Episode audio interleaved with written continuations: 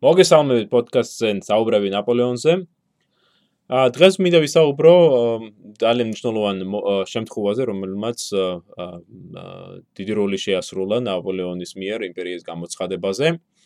ა კერძოდ ჩვენ საუბარი გვექნება ჰერცოგ ენგიენის მკვლელობაზე, ა დახვრეტაზე 1804 წლის გაზაფხულზე. 1803 წლის 23 აგვისტოს დილის საათებში ბრიტანული ფლოტის დაზვერვის ოფიცერი კაპიტანი ჯონ უესლი რაიტი ჩარჯდა ნავში და დილის ნისხს ამაფარებულმა სანაპიროსკენ გაცურა. მასთან ერთად ნავში იჯდა პატარა ჯგუფი, რომელშიც შედიოდნენ ჟორჟ კადუდალი, ეკიმი კვერელი და კიდევ რამდენიმე შუანი ამბოხებულები, რომლებიც ცოტა ხანში გადაცხდნენ ნორმანდიაში მდებარე სოფელ ბივილის სანაპიროსთან და გაუჩინარდნენ ტყეში. ა რაიტი დიდი ხანია იცნობდა ამ ხალხს. მათ გვერდში იბრძოდა კიდევ 1790-იან წლებში.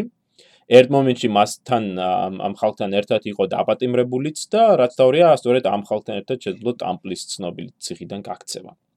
ა მას შემდეგ რაიტს არაერთ საინტერესო თავგადასავალი ხვდა წილად.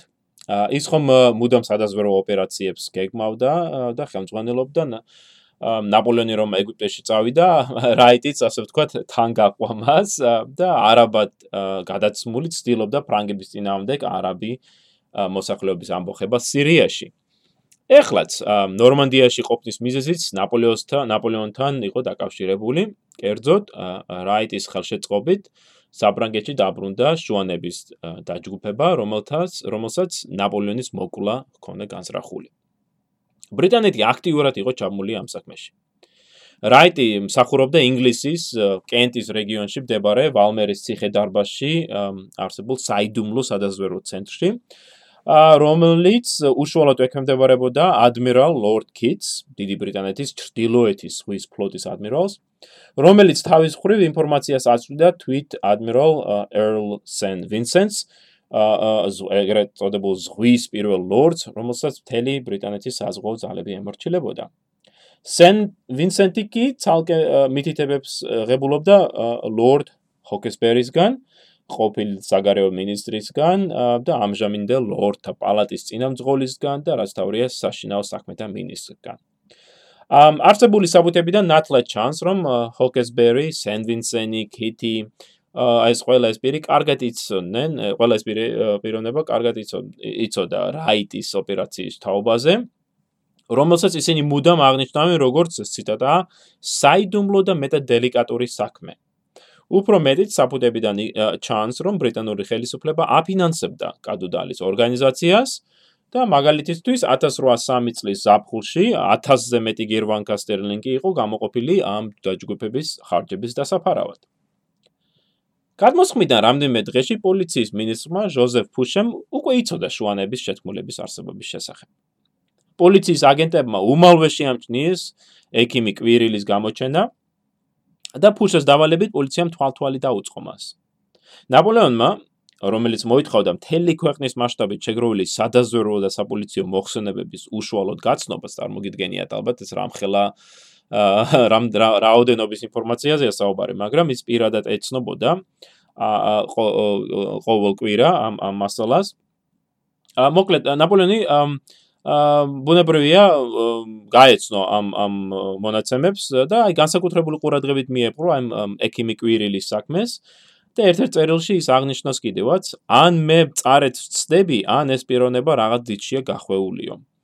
პოლიციამ მალე აიყვანა ერთ-ერთი რიგითი შუანი სახელად დანუვილი, რომელმაც დაკითხვამდე საკანში თავი ჩამოიხრჩა. და ნაპოლეონის ადიუტანტის ფილიპ სეგიურის თქმით ამ ამ შემთხვევამ მხოლოდ კიდევ გაამძაფრა ჩვენი ეჭვი, რომ რაღაც სერიოზულთან ქონდა საქმეო, თორე ისე რატომ ჩამოიხრჩობდა თავსო ეს პიროვნება. ამასობაში რაიტი განაგრძობდა თავის გეგმის შესრულებას. 1804 წლის 16 იანვარს მან ბივილში ჩაიყვანა გენერალ შარლ პეშიგრუ ერდროს ნაპოლეონის მასწავლებელი ბრიენის სამხედრო სკოლაში, შემდეგ იაკობინელი რევოლუციონერი, საკმაოდ წარმატებული ფრანგი გენერალი და საბოლოოდ როიალისტი, რომელიც ხელისუფლებას განუდგა და ბრიტანეთში გადაიხვეწა. საფრანგეთში საიდუმლო დაბრუნების შემდეგ პეშიგრუ პარიზში გაემგზავრა. და 28 იანვარს შეხვდა სახელგანთმულ ფრანგ გენერალ ჟან მოროს. აი სწორედ ის მორო 1799 წელს რომ რუსებს და ავსტრიელებს ებრძვის ხო ნოვისთან, ის სწორედ ის მორო რომელიც შემდგომში გერმანიის ფრონტის ხაზზე იბრძვის ავსტრიელების წინააღმდეგ და შემდეგ ჰოჰენლინდენთან ხომ გამწვინვალი გამარჯვების შედეგად ასრულებს აი მეორე კოალიციის ომს. და მოკლედ პიშეგრუს შეხვდა 28 იანვარს მოროს ჩვენ მართალია არ ვიცით ზუსტი დეტალები თუ რაზე ისაუბრეს ეს ამ გენერალებმა, მაგრამ ცნობილია რომ პიშეგრუმ აცნობა მოროს შეთქმულების შესახებ და მონაწილეობა შესთავაზა. მორომ უარი განაცხადა მონაწილეობაზე, მაგრამ ამავე დროს მან არც ხელისუფლებას აცნობა, რომ აი ეს სერიოზული შეთქმულება ეწყობოდა, ხო, სახელმწიფო მეტაურის წინააღმდეგ და ამით ფაქტობრივად ის ამ შეთქმულების თანამონაწილე პასიური, მაგრამ აი თანამონაწილე გახდა. ამ აი ადრე აღნიშნე კიდევაც რომ მორო ძალიან ნიჭიერი სამხედრო პიროვნება არის ხო მაგრამ აი როდესაც აი საზოგადოებრივ და მითორ პოლიტიკურ საქმეებს შეხებოდა ის საკმაოდ უნიატოდ იქცევა საკმაოდ არ არის გაბედული ასე რომ თქვა ამ და აი აქ ჩანსეს ხო ერთის ხრივ ის მოხარულია რომ ნაპოლეონის გავსი მოწინააღმდეგე ჩამოაშორებენ თქვა თუ ეს შეთქმულება წარმატებული იქნა, მაგრამ ამავე დროს არ ჩქარობს ხელების ხო ესე გასვრას ამ შეთქმულებაში და ლოდინს ამჯობინებს. პიჩეგრუს და მოროს შეხვედრიდან მეორე დღეს ფრანგულმა საიდუმლო პოლიციამ დააპატიმრა ბრიტანელი აგენტი კურსონი, რომელმაც დაკითხვისას გაამჟღავნა მნიშვნელოვანი დეტალების შუანების შეთქმულების თაობაზე. უფრო მეტიც, ფრანგული დაზვერვის აგენტმა ამავე დროს შეძლო შტუტგარტში ბრიტანელი დესპანის სპენსერ სმიტის გულის მოგება. მან თავი წარმოაჩინა როგორც როიალისტი ოფიცერი, რომელსაც ნაპოლეონის ძინამდე ბრძოლა სურდა და მოკლედ მოიპოვა ამ დესპანის დობა და მალევე შეიტყო, შეიძინა, ესე მოიპოვა დამატებითი დეტალები ამ გადუტალის ჯგუფის შესახებ. ასე რომ იანვრის მიწურულს ეს არის უკვე 1804 წელი ხო? 1804 წლის იანვრის მიწურულს. ფუშემ ნაპოლეონს წარუდგინა ვრცელი მოხსენება რომელიც ეყრდნობოდა როგორც საფრანგეთის შიგნით პოლიციის მიერ ჩატარებულ გამოძიებაზე ასევე ბრიტანეთში და გერმანიაში არსებული სააგენტო ქსელების მიერ მოწოდებულ ინფორმაციას. ნაპოლეონი გაოცებული იყო შეთქმულების მასშტაბით. ფუშეს აგენტები ეთყობინებდნენ რომ ლონდონიდან წამოსვლის წინ გენერალი პიშჩიხრუს შეხვდა ბრიტანული ხელისუფლების უმაღლეს წევრებს კენსინგტონში და რომ დაბრუნების შემდეგ მას შეხვედრები ჰქონდა მოროსთან, ხო? როგორ მოროცკი შეყვირა ნაპოლეონმა მოროცკი გარეულია ასეთ შეთქმულებაშიო და მან დაუყოვნებლივ ბრძანა პიშიგრუს და მისი თანამზრახველების დაპატიმრება. გენერალ დესოლესთან მიწერილ წერილში ნაპოლეონი აღნიშნავს. ეს უბრალოდ აი მომეს მომენტი არის იანვრის დასასრული თებერვლის დასაწყისი ის აღნიშნავს ციტატა ვერაფერი ვერ შეედრება ამ თელი ჩანაფიქრის აბსოლუტურ უგუნურობას. სხვა ვერაფერს ვიტყვით გარდა იმისა რომ უზნეობა და უკეთერობა ადამიანის გული არის უძირო უფსკრულივით რომლის ჩაცდომა შეუძლებელია. ყველაზე გამჭული მზერაც კი ვერ შეძლებს ამ წყვილში გარკვევასო პოლიციამ მალევე დაიწყო შეთქმულების წევრების დაპატიმრება. დაჭერილ ჩორის ერთ-ერთი პირველი იყო ექიმი კვირილი, რომელიც აბაიეს ციხეში ჩასვეს. სიკვდილი დასჯის დასჯი დამოკრების შემდეგ კვირილმა გასცა დანარჩენი თანაზრახველები და მათი საიდუმლო ადგილსამყოფელი წაჩვენა, რომელიც პარიზში მდებარე ერთ-ერთი სამი კიტნო იყო, სახელად კლოშე დე ორ. ამასობაში ნაპოლეონმა უბძანა გენერალ სავარის, რომელიც სამხედრო დაზვერვის უფროსი იყო, აქ მე მინდა აღვნიშნო, რომ ნაპოლეონს არ სურდა დაზვერვის სამსახურის ერთ ხელში თავმოყრას მითომეტეს თუ ეს ხელი ფუშას ეკუთვნოდა და ამიტომ რამდენიმე ერთმანეთის მეტოქე სადაზვერვო ორგანოთ არსებობდა საფრანგეთში და სავარი სწორედ სამხედრო დაზვერვას ხელმძღვანელობდა. ა მოკლედ ნაპოლეონმა სავარის უბრძანა წასულიყო ნორმანდიაში და აი დაბა ბივილში სადაც ხო ბრიტანელებმა უკვე ორჯერ გადასვეს დესანტი ასე რომ ვთქვათ, სწორედ ამ ბივილში მოეწყო საფარი, რათა ეს კაპიტანი რაიტი დაეჭირა. 8 თებერვალს პოლიციამ კლოშედე 2-ის სამი კიტნოში დაიჭირა თავს დაესხა და დაიჭირა კადუდალის მოსამსახური, მოსამსახური ლუი პიკო, რომელმაც ასე ვთქვათ, ინტენსიური დაკითხვის შედეგად, ეს ხო დღევანდელი ტერმინოლოგია რომ ისაუბროთ, ანუ წამებით სპეციალის დიდი თითებს უმტრებდნენ, დიდ თითებს. აღიარა შეთქმულებაში მონაწილეობა და რაც თავარია დაბა შაილოში, პარიზთან არსებულ დაბა შაილოში კადუდალის საფარი გაამშღავნა. პოლიციამ უმალვე აა ხო პოლიცია უმალვე დაესხა თავს ამ საფარს, მაგრამ კადუდალი უკვე გაქცეული დახვდა. სამაგიეროდ მათ დაიჭირეს კადუდალის მოადგილე, ვინმე ბუვე დე ლოზიერი, რომელმაც პოლიციას ხელში რომ ჩარჩა რომ არჩავარდნოდა თავის მოკვლას წადა, მაგრამ ამაოდ პოლიცია მოასულიერა იგი და შემდეგ დაკითხა კიდევაც, წარმოგიდგენიათ ალბათ დაკითხვის მეთოდები. ამ ბუვე ლოზიერმა აღიარა რომ შეთქმულებაში მონაწილეობდნენ გენერლები პიშეგრუ და მორო. ანუ ეს ძალიან მნიშვნელოვანი აღიარება იყო ხო? ნუ მაის ესეთი გამოჩენილი სამხედრო პირებიც მონაწილეობდნენ ამ შეთქმულებაში. ამიტომ 15 თებერვლის დილით პოლიციამ დააპატიმრა გენერალი მორო და ტამპლის ციხეში გადაიყვანა იგი. მომდევნო დღეს ნაპოლეონმა ბრძანა იმ გენერლების დაპატიმრება რომლებიც მოროსთან დაახლოებულები იყვნენ და შესაძლებელია გასრულები ან ყოველ შემთხვევაში სწოდნოდათ შეთქმულების შესახებ. ასე რომ იმავე დღეს აყვანილი იქნენ გენერალები ჟან-ჟაკ ლიბერი და ჟოზეფ სუჰამი. შემდგომში გამოძიება აჩვენებს, რომ ეს გენერალები უდანაშაულები იყვნენ და მათ გაათავისუფლებენ კიდეც. 18 უკეთრავ 19 თებერვალს პოლიციამ ხელთიგდო შეთქმულების საწყობი, სადაც აღმოჩენილი იქნა 15 ცხენი, და სამხედრო ტანის სამოსი, რომელთა რომლის გამოყენებით შეთქმულების მონაწილეები აპირებდნენ დასხმოდნენ ნაპოლეონის თავს, როდესაც იგი პარიზიდან მალმეზონისკენ იმგზავრებდა. ანუ თავს წარმოაჩენდნენ საკონსულო გვარდიის ნაწილებად და მე ხო გაიტაცებდნენ ნაპოლეონის ეტლს და მოკლავდნენ მას. 26 თებერვალს პოლიციამ დაადგინა პიშეგრუს ადგილსამყოფელი პარიზის მეორე არონდიზმონში, რუი შაბანეს მდებარე სახლში. გენერალმა სხვადასხვა გააფთრებული წინამდებობა გაუწია პოლიციას, გაჩაღდა მუშტიკრივი, რომელიც მანამ გაგრძელდა სანამ პიჩიგრუს თავში არ ჩაარტყეს და არ გათიშეს. მომდევნო დღეს ნაპოლეონმა მიიღო ახალი მოხსენება, რომელშიც აღნიშნული იყო, რომ კადუდალის და მას მხარდაჭერებს სურდათ ნაპოლეონის მოკვლა და შემდეგ და ეს არის მნიშვნელოვანი ახალი დეტალი, საბრანგეთში ეგრეთ წოდებული სამეფო სისხლის პრინცის ჩამოყვანა, რომელიც ქვეყანას დროებით ჩაუდგებოდა სათავეში, სანამ კანონიერი მეფე შეძლებდა ჩამოსვლას. და აი აი ეს საკითხი თუ ვინ იყო ეს კანონი ეს სამეფო სისხლის პრინცი დადგა ხო დილის წესრიგში და ფუშეს და მისი საიდუმლო პოლიციის მოსაზრებით ეს პრინცი ეს სამეფო სისხლის პრინცი იყო ლუი ანტუან დე ბურბონი ენგიენის ჰერცოგი ენგიენი იყო სახელგანთქმული პრინც კონდეს, ხო ერთ-ერთი ყველაზე გამოჩენილი სამხედრო პირი საფრანგეთის ისტორიაში. ამ პრინც კონდეს შვილიშვილი და ამ გვარის კონდეს გვარის უკანასკნელი წარმომადგენელი. 1804 წელს ის მხოლოდ 31 წლისაა. რევოლუციის დაწყებისას მისი ოჯახი ემიგრაციაში წავიდა. 1792 წელს ომის დაწყებისთანავე ენგიენი როიალისტების რიგებში ჩადგა, შეუერთდა პრინც კონდეს ჯარს და მონაწილეობა მიიღო პირველი კოალიციის ომში. იბრძოდა კიდევაც საფრანგეთის შიგნით შემოჭრილ ავსტრიულ პრუსიულ ჯარებთან ერთად. 1801 წელს, როდესაც რევოლუციური ომები დასრულდა, ჰერცოგი დაქორწინდა შარლოტა დე როაჰეზე, საკმაოდ წარჩინებული გვარიდან, როჰანის გვარიდან და დასახლდა დაბა ეტენჰეიმში, რომელიც მდებარეობდა ბადენის საჰერცოგოში, საფრანგეთის საფროზვრიდან რამდენიმე კილომეტრში, დაახლოებით 20 კილომეტრის მანძილზე. პოლიციის ცნობით, რომელიც უნდა აღნიშნო აქვე, რომელიც შემდგომში სავსებით ცდარი აღმოჩნდა.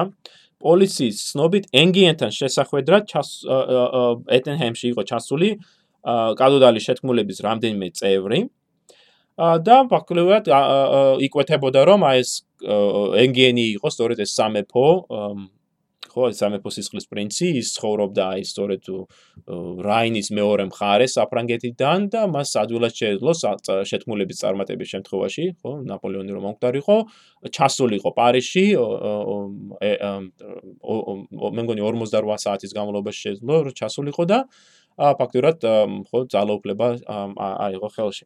და აი ამ მოხსენების მოსმენისას ნაპოლეონი მეტად აღშფოთებული დარჩა და აი პარიზის პოლიციის უფროს რეალს შეხყვირა კიდეც. ეს როგორ? ჰერცოგი ჩემს საზღვრიდან სულ რამდენიმე კილომეტრშია და თქვენ არც კი მაცნობებთ ამას? მე ძაღლი კი არა ვარ, რო ქუჩაში მომკლან. ან ეს მკვლელები ხელშეუხებელი ანგელოზები ხო არ მგონიათ? რატომ არ მაცნობა არავინ რომ ეტენჰემში შეხვედრები იმართებოდა? ამ ხალხს ჩემი განადგურება სურთ. დროა ვაჩვენო რომ მეც შემიძლია ამის გაკეთებაო. ნაპოლეონის გადაწყვეტილებაში ემოქმედა ენგენის წინააღმდეგ დიდი როლი ითამაშა რამდენიმე პიროვნება. მათ შორის განსაკუთრებით ნიშნულოვანი იყვნენ პოლიციის მინისტრი ფუშე, რომელიც დარწმუნებული იყო თავისი ინფორმაციის ისტორიაში და საგარეო საქმეთა მინისტრი ტალერანი, რომელმაც ხარი დაუჭირა ფუშეს. 1804 წლის 9 მარტს პოლიციამ როგორც იქნა მიაგნო კადუდალს, რომელმაც გაქცევა სცადა. საღამო ხანი იყო, როდესაც კადუდალმა დაინახა მოახლოებული პოლიციის აგენტები. ერთ-ერთი მათგანი მან გასროლით მოკლა. დანარჩენებს დაუსხდა და ეტლზე შეხდა.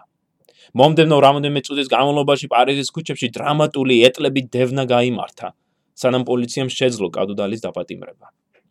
შუანების ლიდერმა პირდაპირ აღიარა, რომ პარიზში ის ნაპოლეონის მოსაკლავად იყო ჩამოსული, მაგრამ დაკითხვისას მას არაფერი უთქვამს სამეფო სისხლის პრინცზე, რომ არაფერი ვთქვათ უშუალოდ ენგიენის ჰერცოგის დასახელებაზე. ნაპოლეონს უნდა მიექცია ყურადღება ამ გარემოებისათვის. ან იმისათვის, რომ ჰერცოგი მართლაც რომ ყოფილიყო გარეული ამ შეთქმულებაში, არ იქნებოდა ასე უდარდელა თავის სახში საფრანგეთიდან მხოლოდ რამდენიმე კილომეტრის მოშორებით. მაგრამ ყოველივე ამის მიუხედავად, მომდევნო დღეს ნაპოლეონმა შეკრიბა საგანგებო შეხვედრა, რომელსაც ესწრებოდნენ ტალერანი, ფუშე, ჟან-ჟაკ ამბასერესი, მეორე კონსული, ხო? შარლ ფრანსუა ლებრუნი, მესამე კონსული და კლოდ ამბრუაზ ბრენიე, რომელიც იუსტიციის მინისტრად მსახურობდა. შეხვედრაზე განხილული იქნა მოქმედების გეგმა და მიღებული იქნა გადაწყვეტილება გაეგზავნათ სამხედრო დანაყოფი ბადენის სახერცოგოში, რაც თავისთავად იქნებოდა საერთაშორისო სამართლის უხეში დარღვევა. მოეტაცათ ენგენის ჰერცოგი და ჩამოიყვანათ იგი პარიზში. ნაპოლეონი და კამბასერესი შემდეგ ირწმუნებოდნენ, რომ ეს იდეა პირველად წამოაყენა თვით ტალერანმა, რომელიც ბუნებრივია უარყოფდა ყოველივეს. იმავე საღამოს ნაპოლეონმა აცნობა ეს გადაწყვეტილება თავისი შტაბის უფროს ალექსანდრე ბერტიეს და ბრძანება მისცა გენერალ არმან დე კოლენკურს სათავეში ჩასდგომოდა ამ ოპერაციას, რომელსაც უშუალოდ განახორციელებდა გენერალ მიშელ ორდენერი. კოლენკურის სიტყვით, ამ კაც ორდენერს ამ კაც მხოლოდ ერთ ამ უბრალოდ ამ კაცმა ამ ორდენერმა ამ კაცმა მხოლოდ ერთი რამ იცოდა როგორ დამორჩილებული ყოფ წანებებსო. 1804 წლის 15 მარტის ხუთშაბათი დილის 5 საათზე გენერალი ორდენერი გაუძღვა დრაგუნთა ესკადრონს, რომელმაც გადაკვეთა საზღვარი, შეიჭრა ბადენის საჰერცოგოში, შევიდა ეტენჰემში, დააპატიმრა ჰერცოგი ენგიენი და საფრანგეთში წამოიყვანა ის. დრაგონებმა ასევე თან გაიყოლეს 2 მილიონზე მეტი უზარმაზარი თანხაა ესა. 2 მილიონზე მეტი ფრანკი ნაღდი ფულით რომელიც მათ აღმოაჩინეს ჰერცოგის სეიფში. მისი პირადი საბუთები და რა თქმა უნდა ჰერცოგის ძაღლიც თან გაიყოლეს. ამასობაში გენერალი კოლენკური გაემგზავრა ქალაქ კარლსრუეში, ბადენის დედაქალაქში, რათა უშუალოდ გადაეცა ბადენის ჰერცოგისათვის ტალერანის მიერ მომზადებული დიპლომატიური ნოტა, რომელშიც ახსნილი იყო თუ რატომ დასჭირდა საფრანგეთის ხელისუფლებას ბადენის სუვერენიტეტის დარღვევა. 18 მარტს დილით ნაპოლეონმა გაუმხილა თავის ცოლს თუ რა მოხდა ედენჰემში. ჯოზეფინა გაოცებული დარჩა. ის მარტო არ მარტო გაოცებული, აღშფოთებულიც იყო ნაპოლეონის ამ გადაწყვეტილებით. ის ცდილობდა დაერტუნებინა ქმარი რომ შეცდომა დაუშვა, რომ ენგენის hercogi არაფერ შუაში იყო და რომ საჭირო იყო მისი დაუყოვნებლივ განთავისუფლება. ნაპოლეონმა მოკლედ მიუგო მას, რომ ჟოზეფინას არაფერი ესმოდა პოლიტიკის და რომ ენგენი უნდა დასჯილიყო.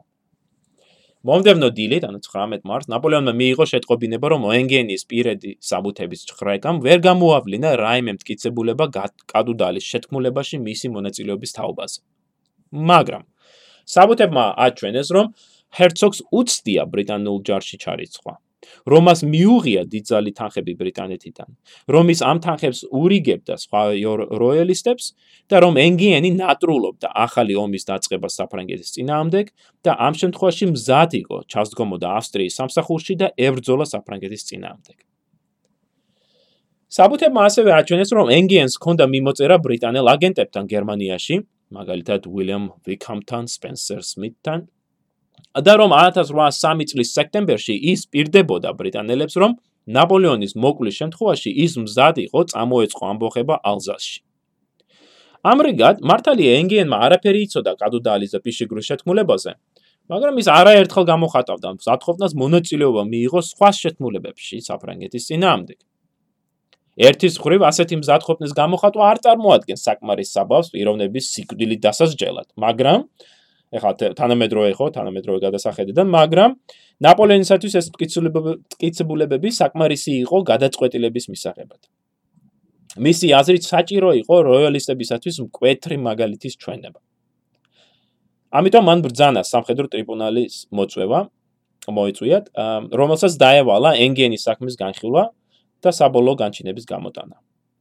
აღსანიშნავია, რომ ტრიბუნალის მოწვევაში და თვით სასამართლოში მონაწილე ყველა პირი შემდგომში ცდილობდა თავი წარმოეჩინათ უდანაშაულოდ, რომ მათ არანაირი მონაწილეობა არ მიუღიათ ენგენის მოკლაში. ტალერანი აბრალებდა სავარის, სავარი აბრალებდა ტალერანს, ფუშე აბრალებდა სავარის, ფუშე კოლენკური აბრალებდა სამივეს, ტალერანს, სავარის და ფუშეს და ასე შემდეგ. ერთადერთი პიროვნება, რომელმაც სრული პასუხისგებლობა აიღო ამ გადაწყვეტილებაზე, იყო თვით ნაპოლეონი, რომელიც მუდამ აცხადებდა, რომ ენგენის გასამართლება და შემდგომში დახურეთვა იყო თავდაცვითი ქმედება. გამიზნული როიალისტებზე. ნაპოლეონის სიტყვით, ეს იყო ნიშანი, რომ ციტატა, ჩემს ძარღვებში ტალახი კი არ მიედინება, არამედ მათი, ანუ როიალისტების, მათი თანატოლის სისხლი ჩქებსო. ნაპოლეონი ასე აღნიშნავდა, რომ ენგენი საფრანგეთის წინააღმდეგ ტრულსაქმიანობას ეწეოდა და ეს დასჯადი საქმე იყო. და ამაზე ჩვენ ვისაუბრეთ სულ ცირეხანში. 1802 წლის 20 მარტს ნაპოლეონი დიულერის სასახლეში დაბრუნდა და დიდი კამათი მოუვიდა მარშალ მიურატთან, რომელმაც თავიდან უარი განაცხადა ენგენის სასამართლოს ზედამხედველობაზე, მაგრამ ნაპოლეონის დამოკრების შემდეგ დათანხმდა. იმავე დღეს 6 საათისათვის ენგენი გადაყვანილი იქნა შატო დე ვინსენში, პარიზის სამხრეთ გარეუბანში მდებარე კაც, მაგრამ თავისებურად ლამას ციხე-დარბაზში. სადაც ეხლა არის სწორი სამხედრო არქივი განთავსებული და არაერთხელ მიმუშავია მე იქ და მართლაც საოცარი ადგილი არის, მაგრამ ამ დროს ხო მე-18 საუკუნის მიწურულს აქ ციხე არის და სწორედ თავის დროზე დაპატიმრებულები იყვნენ აქ მირაბო, ხო ეს რევოლუციური ლიდერები როგორც იყო მირაბო, მარკიზ დე სადი, ნაკლებად რევოლუციური, მაგრამ მაინც ნიშნავანი პიროვნება, ხო? ან ისეთი გამოჩენილი წერლები როგორც იყო დენის დიდეხო და სხვები. ნაპოლეონმა მოკლე წერილი გაუგზავნა მიურატს ეგ საქმე დღეს საღამესვე დაასრულეო. სამხედრო ტრიბუნალი შეხვდა იმავე ღამეს, ფაქტობრივად 21 მარტის გამთენიისას, ვინაიდან პირველი შეხვედრა ღამის 2 საათზე დაიწყო. იგი შედგებოდა ხუთი ოფიცრისგან, მაღალი რანგის ოფიცრებისგან, ესენი ყველა პოლკოვნიკები იყვნენ, რომელსაც სათავეში ედგათ გენერალი პიერ ოგუსტენ ჰულინი. სწორედ ის ჰულინი 1789 წელს ბასტილიაზე რომ მიუძღოდა იერიშს ტირანიის წინააღმდეგ და ეხლა სწორედ ამ ნაპოლეონის საკონსულო გვარდიის გრანადერთა მეტაურად რომ სახურობდა. ნაპოლეონმა პირადად შეადგინა 11 კითხვა, რომელიც უნდა დაესვათ ენგიენისთვის. მათ შორის იყო ისეთი კითხვები, როგორიცაა: რატომ იბრძოდით საკუთარი სამშობლოს წინააღმდეგ? გიხდით თუ არა ფულს ბრიტანეთის ხელისუფლება? შესთავაზეთ თუ არა ბრიტანელებს ხარდაჭერა ჰანოვერში ფრანგი გენერალ მორტიეს წინააღმდეგ საბრძოლველად? შეგიქმნია თუ არა საფრანგეთის ჯარის წინააღმდეგ მიმართული სამხედრო დანაყოფები და ასე შემდეგ და ასე შემდეგ. ენგენის hercogმა ალალად უპასუხა ამ შეკითხვებს და ბუნებრივია, ბევრ მათგანზე პასუხი დადებითი იქნებოდა. ასე მაგალითად ენგიენმა აღიარა, რომ მზად იყო რევოლუციური ხელისუფლების წინააღმდეგ საბრძოლველად. ნაპოლეონის ხომ ხელისუფლების წარმომადგენელი არის, ხო? აა მაგრამ მან კატეგორიულად უარყო კადუდალის შეთქმულებაში მონაწილეობა. საინტერესო ის არის, რომ საფრანგეთის კანონმდებლობა, კერძოდ ეგრეთ წოდებული მესამე წლის 25 ბრუმერის კანონი, ეს კანონი მიღებული იქნა ჯერ კიდევ 1795 წელს, ანუ სანამ ნაპოლეონი მოვიდოდა ხელისუფლებაში. აა სწორედ აი 25 ბრუმერი კან ბრუმერის კანონის მეხუთე თავის პირველი განყოფილების მეშვიდე მუხლის მიხედვით საფრანგეთის წინააღმდეგ მებრძოლი ემიგრანტები დაუყოვნებლივ უნდა დაპატიმრებულიყვნენ და მათ მათი სასამართლო უნდა შემდგარიყო 24 საათის განმავლობაში. ენგენის გასამართლება სწორედ აი ამ კანონის მიხედვით მოხდა. და ვინაიდან ენგენმა აღიარა ორი ძირითადი მრავლდება, რომ მას მონაწილეობა ჰქონდა მიღებული საფრანგეთის წინააღმდეგ სამხედრო მოქმედებებში და რომ ის ბრიტანეთისგან იღებდა ფულს, ამით ბუნებრივია ტრიბუნალის საქმე გაადვილებული იქნა. ტრიბუნალმა დაუყოვნებლივ ცნოვის დამნაშავედ და სასჯელად კანონი მხოლოდ ერთ ითვალისწინებდა სიკვდილს. და ამ ამრიგად ტრიბუნალმაც დახურება მიუსაჯა. სასამართლოს შემდეგ ენგიენის hercogi გაიყვანეს შადო დე ვინსენის თხრილში სადაც ის დახვრიტეს და იქვე დამარხეს. ენგენის დახვრიტის ამბავმა მთელი ევროპა გააოცა. ფუშეს სიტყვით ეს დანაშაულზე მეტი რამ იყო. ეს იყო შეცდომა. ფუშე მართალი იყო. ვინაიდან ენგენის დახვრიტით ნაპოლეონმა დიდი საზოგადოებრივი პოლიტიკური შეცდომა დაუშვა. ერთის ხრივ მან კაცრი მაგალითი უჩვენა როიალისტებს. არ გაბედოთ ხო? ჩემს ნამდვილ კიდევ გამოსვლა შეთქმულებების მოწყობა თორემ აგერ თქვენიან სკლავო მაგრამ მეორე მხრივ სწორედ ამ შემთხვევამ შეურყია მას საზოგადოებაში მხარდაჭერა. სწორედ ამ შემთხვევამ უბიძგა ლიბერალურად განწყობილი საზოგადო საზოგადოების ნაწილს ისეთ ისეთ პიროვნებებს როგორც იყო რენე შატობრიანი, ბენჯამინ კონსტანი და სხვები ზურგი შეექციათ მისთვის. სწორედ ამ შემთხვევამ შეარყია ნაპოლეონის რეპუტაცია როგორც ეს განმანათლებლური ხო რეფორმისტული ხელისუფალი. 23 მარტს ნაპოლეონის სიტყვით გამოვიდა სახელმწიფო საბჭოში, რათა აეხსნა თავისი გადაწყვეტილება. საზოგადოებაში უარყოფითი რეაქციის საპასუხოდ მან განაცხადა რომ ციტატა პარიზის მოსახლეობა რეგვენების ხროვა, რომელიც ყველაფერს იჯერებსო. თვითხილველის ცნობით ნაპოლეონის საუბრისას ხშირად ჩერდებოდა, თითქოს სიტყვებს ეძებდა. რითაც ისეთ შტაბეშტილებას ტოვებდა, თითქოს მას არ ძალუძდა საკუთარი ქმედების გამართლება. კონსულის სიტყვის დასრულებას სახელმწიფო საბჭო აბსოლუტური დუმილით შეხვდა, რაც იმავე თვითხილველის თქმით მეტად მრავლის მთქმელი იყო. იმავე კვირა დღეს ნაპოლეონი დაესწრო წირვას ეკლესიაში და მისი ადიუტანტი აღნიშნავს, რომ ხალხი მას ალმაცერად შეყურებდა. აშკარა იყო, რომ საზოგადოება გმობდა ჰერცოგის დახვრეტას. არენაკმაბად დაგმობილი იყო ნაპოლეონის საერთაშორისო დონეზე. განსაკუთრებით შვედეთში და რუსეთში. შვედეთმა გამოაცხადა, რომ ჰერცოგის დახვრეტა იყო სხვა არაფერი თუ კვლელობა. რუსული მხარის წერილის მიღებისთანავე ნაპოლეონმა გაიწვია თავისი ელჩი და საპასუხო ნოტაში შეახსენა რუსეთის იმპერატორს ალექსანდრეს, რომ ის 1801 წლის მარტში მამამისის იმპერატორ პავლეს კვლელობაში იყო თანამონაწილე. რამაც კიდევ უფრო დაძაბა ამ ორ ქვეყანას შორის ურთიერთობები. ენგენის საქმე არ დასრულდა ჰერცოგის დახვრეტით. იმავე წლის 1804 წლის აპრილში, 6 აპრილს დილით გუშაგემა გენერალ პიშიგრუ იპოვეს მკვდარი თავის საკანში. საფრანგეთის ოფიციალურ გაზეთში ლემონიტოხში გამოქვეყნებული ინფორმაციის პიშიგრუ კითხულობდა ძველ რომის, ძველი რომის ისტორიას. კერძოდ სენატორ კატოს თვლილ კულელობას და რომ ციგნი ჯერ კიდევ გადაშლილი იყო იმ გვერდზე სადაც ეწერა ციტატა შეთქმულების მონაწილეს არ უნდა ეშინოდეს საკუთარი სიკვდილისო. ამრიგად ოფიციალური ვერსიით პიშიგრუმ თავი ჩამოიხრჩა. მაგრამ საზოგადოებაში უმალვე გავრცელდა ჭორები, რომ გენერალ რომ ეს გენერალი ნაპოლეონის ბრძანებით მოკლეს.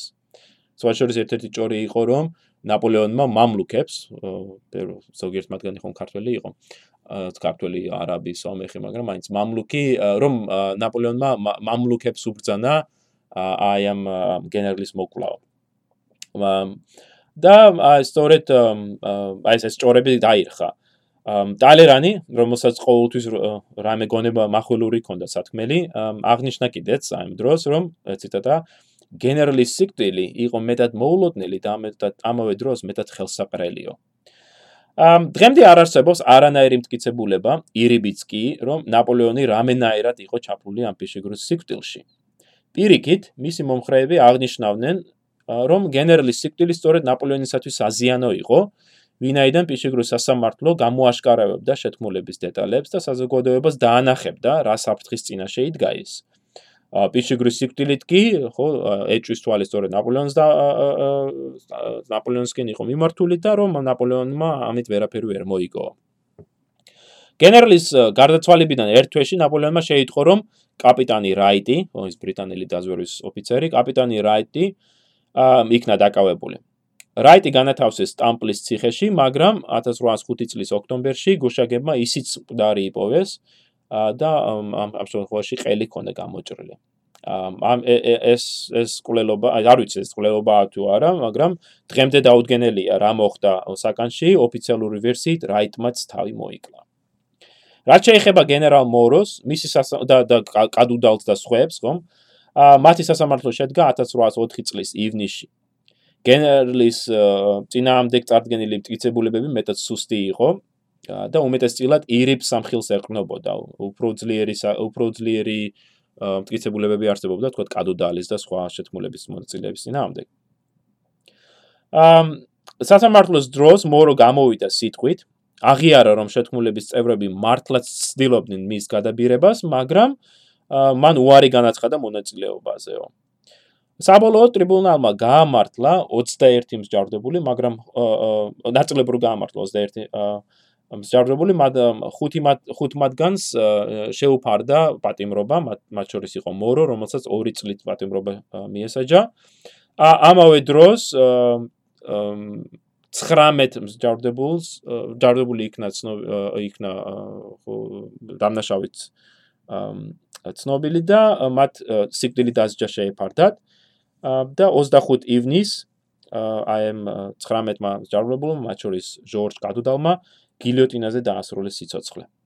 სიკვდილის წინ კადუდალმა აღნიშნა ეს ციტატა ჩვენ იმადზე მეც მივახციეთ ვიდრე გსურდა მეფის მაგივრად იმპერატორი დავაბრუნეთ საფრანგეთში. მართლაც.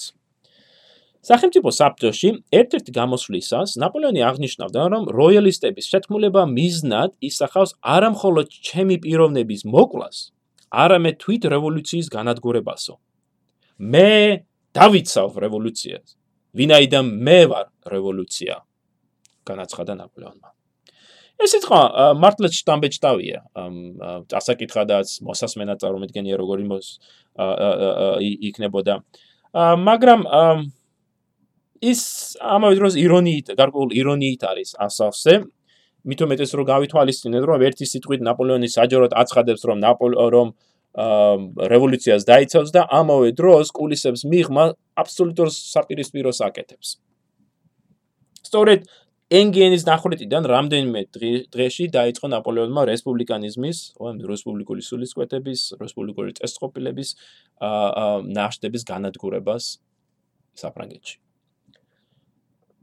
მარტის მიწურულს სენატმა, საფრანგეთის სენატმა ნაპოლეონს გაუგზავნა წერილი, წერილი, რომელშიც სთხოვდა მიიღო ზომები, რათა შეექმნა ისეთი ახალი საზოგადოებრივი ინსტიტუტები, დაწესებულებები, რომლებიც მომოვალ შეთქმულებებს შეუძლებელს გახდიდნენ. წერილი, რომელიც ძალიან ლიქნერულ ტონშია დაწერილი, წერილში ეწერა ეს ციტატა: გამოჩენილო ადამიანო, ეს ნაპოლეონს ესე მიმართა. გამოჩენ გამოჩენილო ადამიანო. დაასრულე შენი დიდი სამუშაო. და გარდააქციე ის ის ისე სამარადისოდ როგორც შენი დიდება არისო ბუნებრივია ნაპოლეონის მიღწევების უკტავყოფის ერთადერთი გზა იყო სახელმწიფო სტრუქტურის სტაბილურობის პერმანენტულობის უზრუნველყოფა რაც თავის ხრივ სწორედ მონარქიულ წესწყობილებასთან იქნა ასოცირებული 28 მარტს ნაპოლეონმა საჯაროდ განაცხადა რომ ეს საკითხი აუცილებლად უნდა იქნას ზედმიწევნით შესწავლილი რომ მას არ სურს არაფერი პირადად, მაგრამ ის გრძნობს დიდ პასუხისგებლობას ერის წინაშე და მზად არის. ხო, მზად არის. აიღო საკუთარ თავზე ეს მძიმე ტვირთი.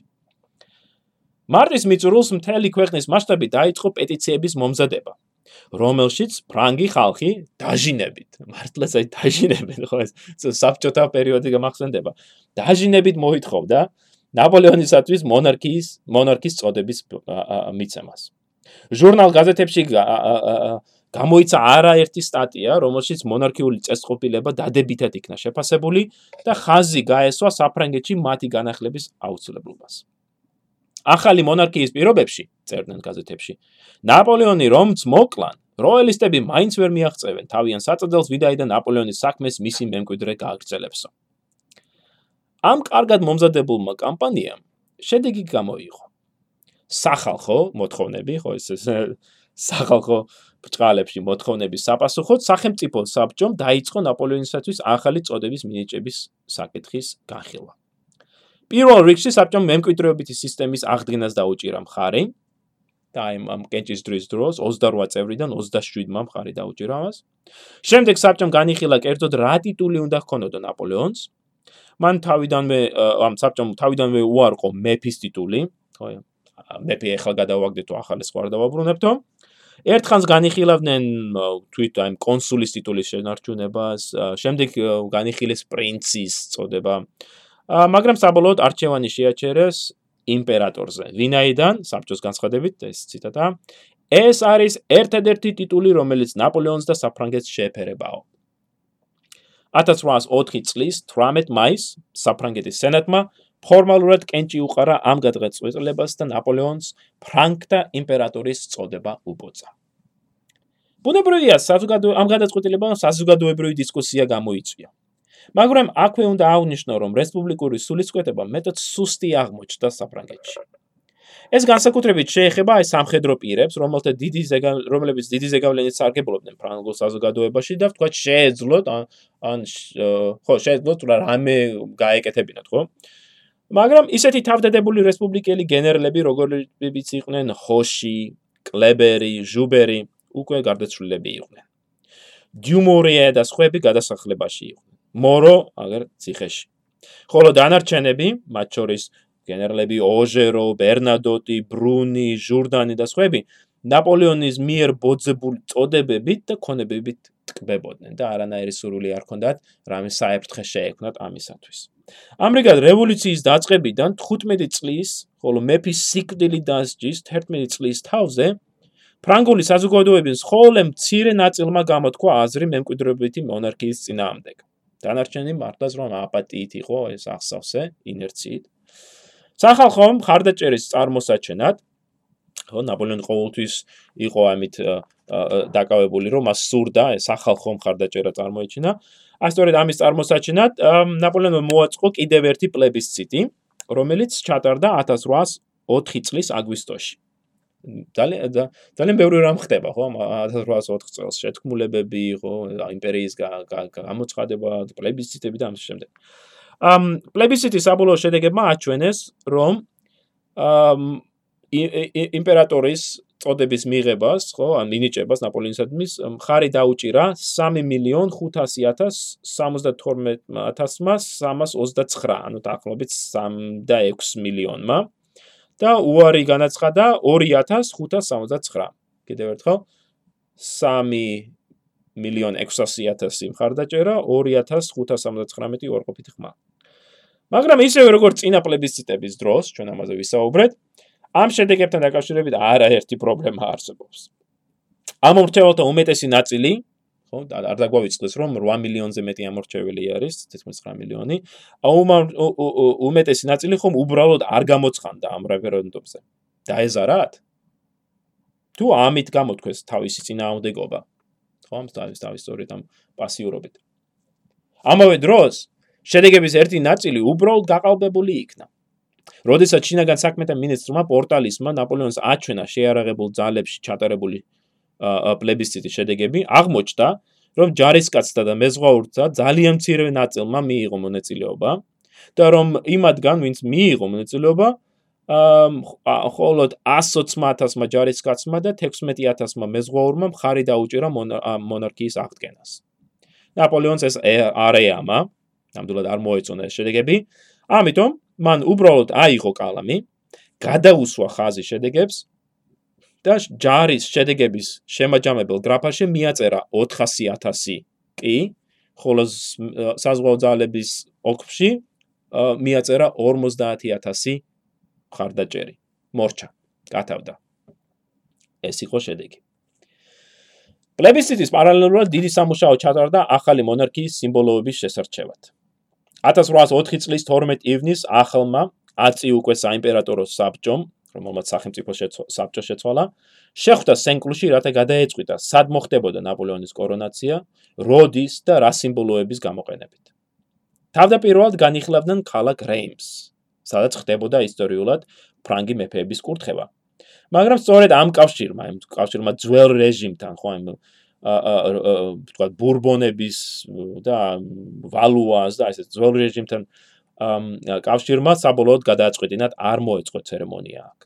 შემდეგ განიხილეს შამდე მარსი, ხო, ცნობილი ხო, ველის, დღეს სადაც აიფელის კოშკი დგას. შამდე მარს, სადაც რევოლუციის ბევრი მნიშვნელოვანი მოვლენა მოხდა და აი სიმბოლურად ხაზ გაუსვავდა ახალი რეჟიმის რევოლუციურ წარსულს. მაგრამ ვინაიდან კორონაციას დამთრისკენ იგეგმებოდა, საბჭოში შობდა, რომ უამინდობა შეძლო ხელი შეეშალა. შემდეგ განიხილეს აქს ლაშაპელი.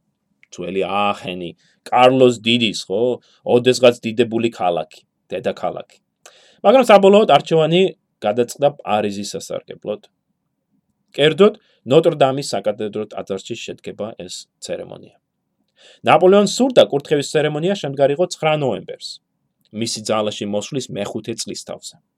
მაგრამ რომის პაპმა, რომელიც დასწრება ამ ცერემონიაზე ნაპოლეონმა მოითხოვა, რომის პაპმა მოითხოვა შობა დღეს მომხდარიყო ეს ყოველივე.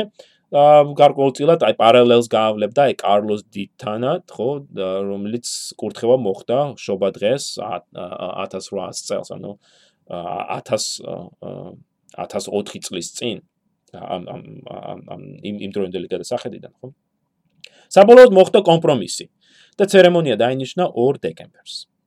რაც შეეხება ატრიბუტიკას, საბჭომ მრავალი ვარიანტი განიხილა. მათ შორის მამალი, აი ძველი გალების სიმბოლო ხო? აა არწივი, ლომი, სპილო, მინერვას, აი რომის ღვთაების, იგივე ბერძნული ათენას, ფარი, მუხა, ეს საინტერესოა რომ ერთ-ერთი სიმბოლო რაც მათ განიხილეს იყო სიმინდი, სიმინდის ტარო. მაგრამ ნაპოლეონმა უარყო ისინი. ერთ მამალის შემთხვევაში მან განაცხადა, ესეთა და მამალის ადგილი ფერმაზე, ფერმაშია. ის მეტად სუსტი არსება არისო. ამ ამავე დროს არწივზე თავდაპირველად უარი განაცხადა, ვინაიდან ნაპოლეონის თვით არ გამოირჩეოდა ორიგინალობითო და ევროპის ქვეყნების დიდ ნაწილს, მათ შორის ავსტრია, პრუსიას, რუსეთს, სწორედ არწივი ჰქონდათ სიმბოლო. ამიტომ ნაპოლეონმა თავდაპირველად არჩევანი გააკეთა ლომზე. მაგრამ აი შეხვედრის დასრულებიდან ცოტა ხანში მან შეიცვალა აზრი და გადაწყვიტა ორი სიმბოლო აერჩია. ფრთებგაშლილი არწივი, როგორც ახალი რეჟიმის რეჟიმის სიმბოლო და ეს ფრთებგაშლილი არწივი იქნებოდა ეს უფრო რომაული არწივი. გეკნება მსმენელს ეკნება ნანახი, ხო, აი რომაული არწივები, რომ და სწორედ აი იმის სანაცვლოდ რომ თქვა აი რუსული ორთავიანი არწივი ან ავსტრიული ხო ან პრუსიული არწივების სანაცვლოდ იქნებოდა ეს სწორედ ეს რომაული იმპერიული არწივი რომელიც იქნებოდა ახალი რეჟიმის სიმბოლო და ფუტკარი როგორც მისი ნაპოლეონის პირადი სიმბოლო ვინაიდან ეს არსება ასოცირდებოდა მონდომებასთან შრომის უნარიანობასთან გარკვეულ სიძლიერესთან და სიუხვესთან რაც თავარია, ფუტკრის სიმბოლო იქნა აღმოჩენილი მე-5 საუკუნის ფრანკი მეფის კილდერიკის აკლდამაში, რომელიც 1653 წელს იქნა გახსნილი ქალაქ ტურნეში. ამგრეულად ფუტკრის მეშვეობით ნაპოლეონი ხას უსვავდა როგორც საკუთარი სახასიათის თვისებებს, ასევე თავის თავს აკავშირებდა საფრანგეთის პირველ მეფეებს, არა ბურბონებს, არა ვალუას, არამედ მეროვინგელი ხო მეფეებს რომელიც საფრანგეთის სახელმწიფოებრიობას აი მონარქიას დაუდეს საფუძველი.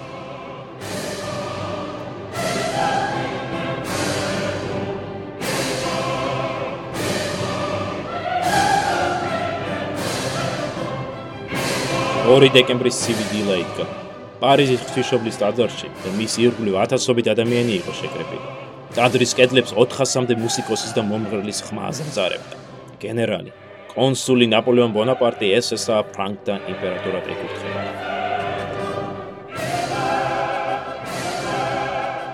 თუ მე გამოჩნია რაიმე ამბიცია, ნაპოლეონმა ერთხელ განაცხადა.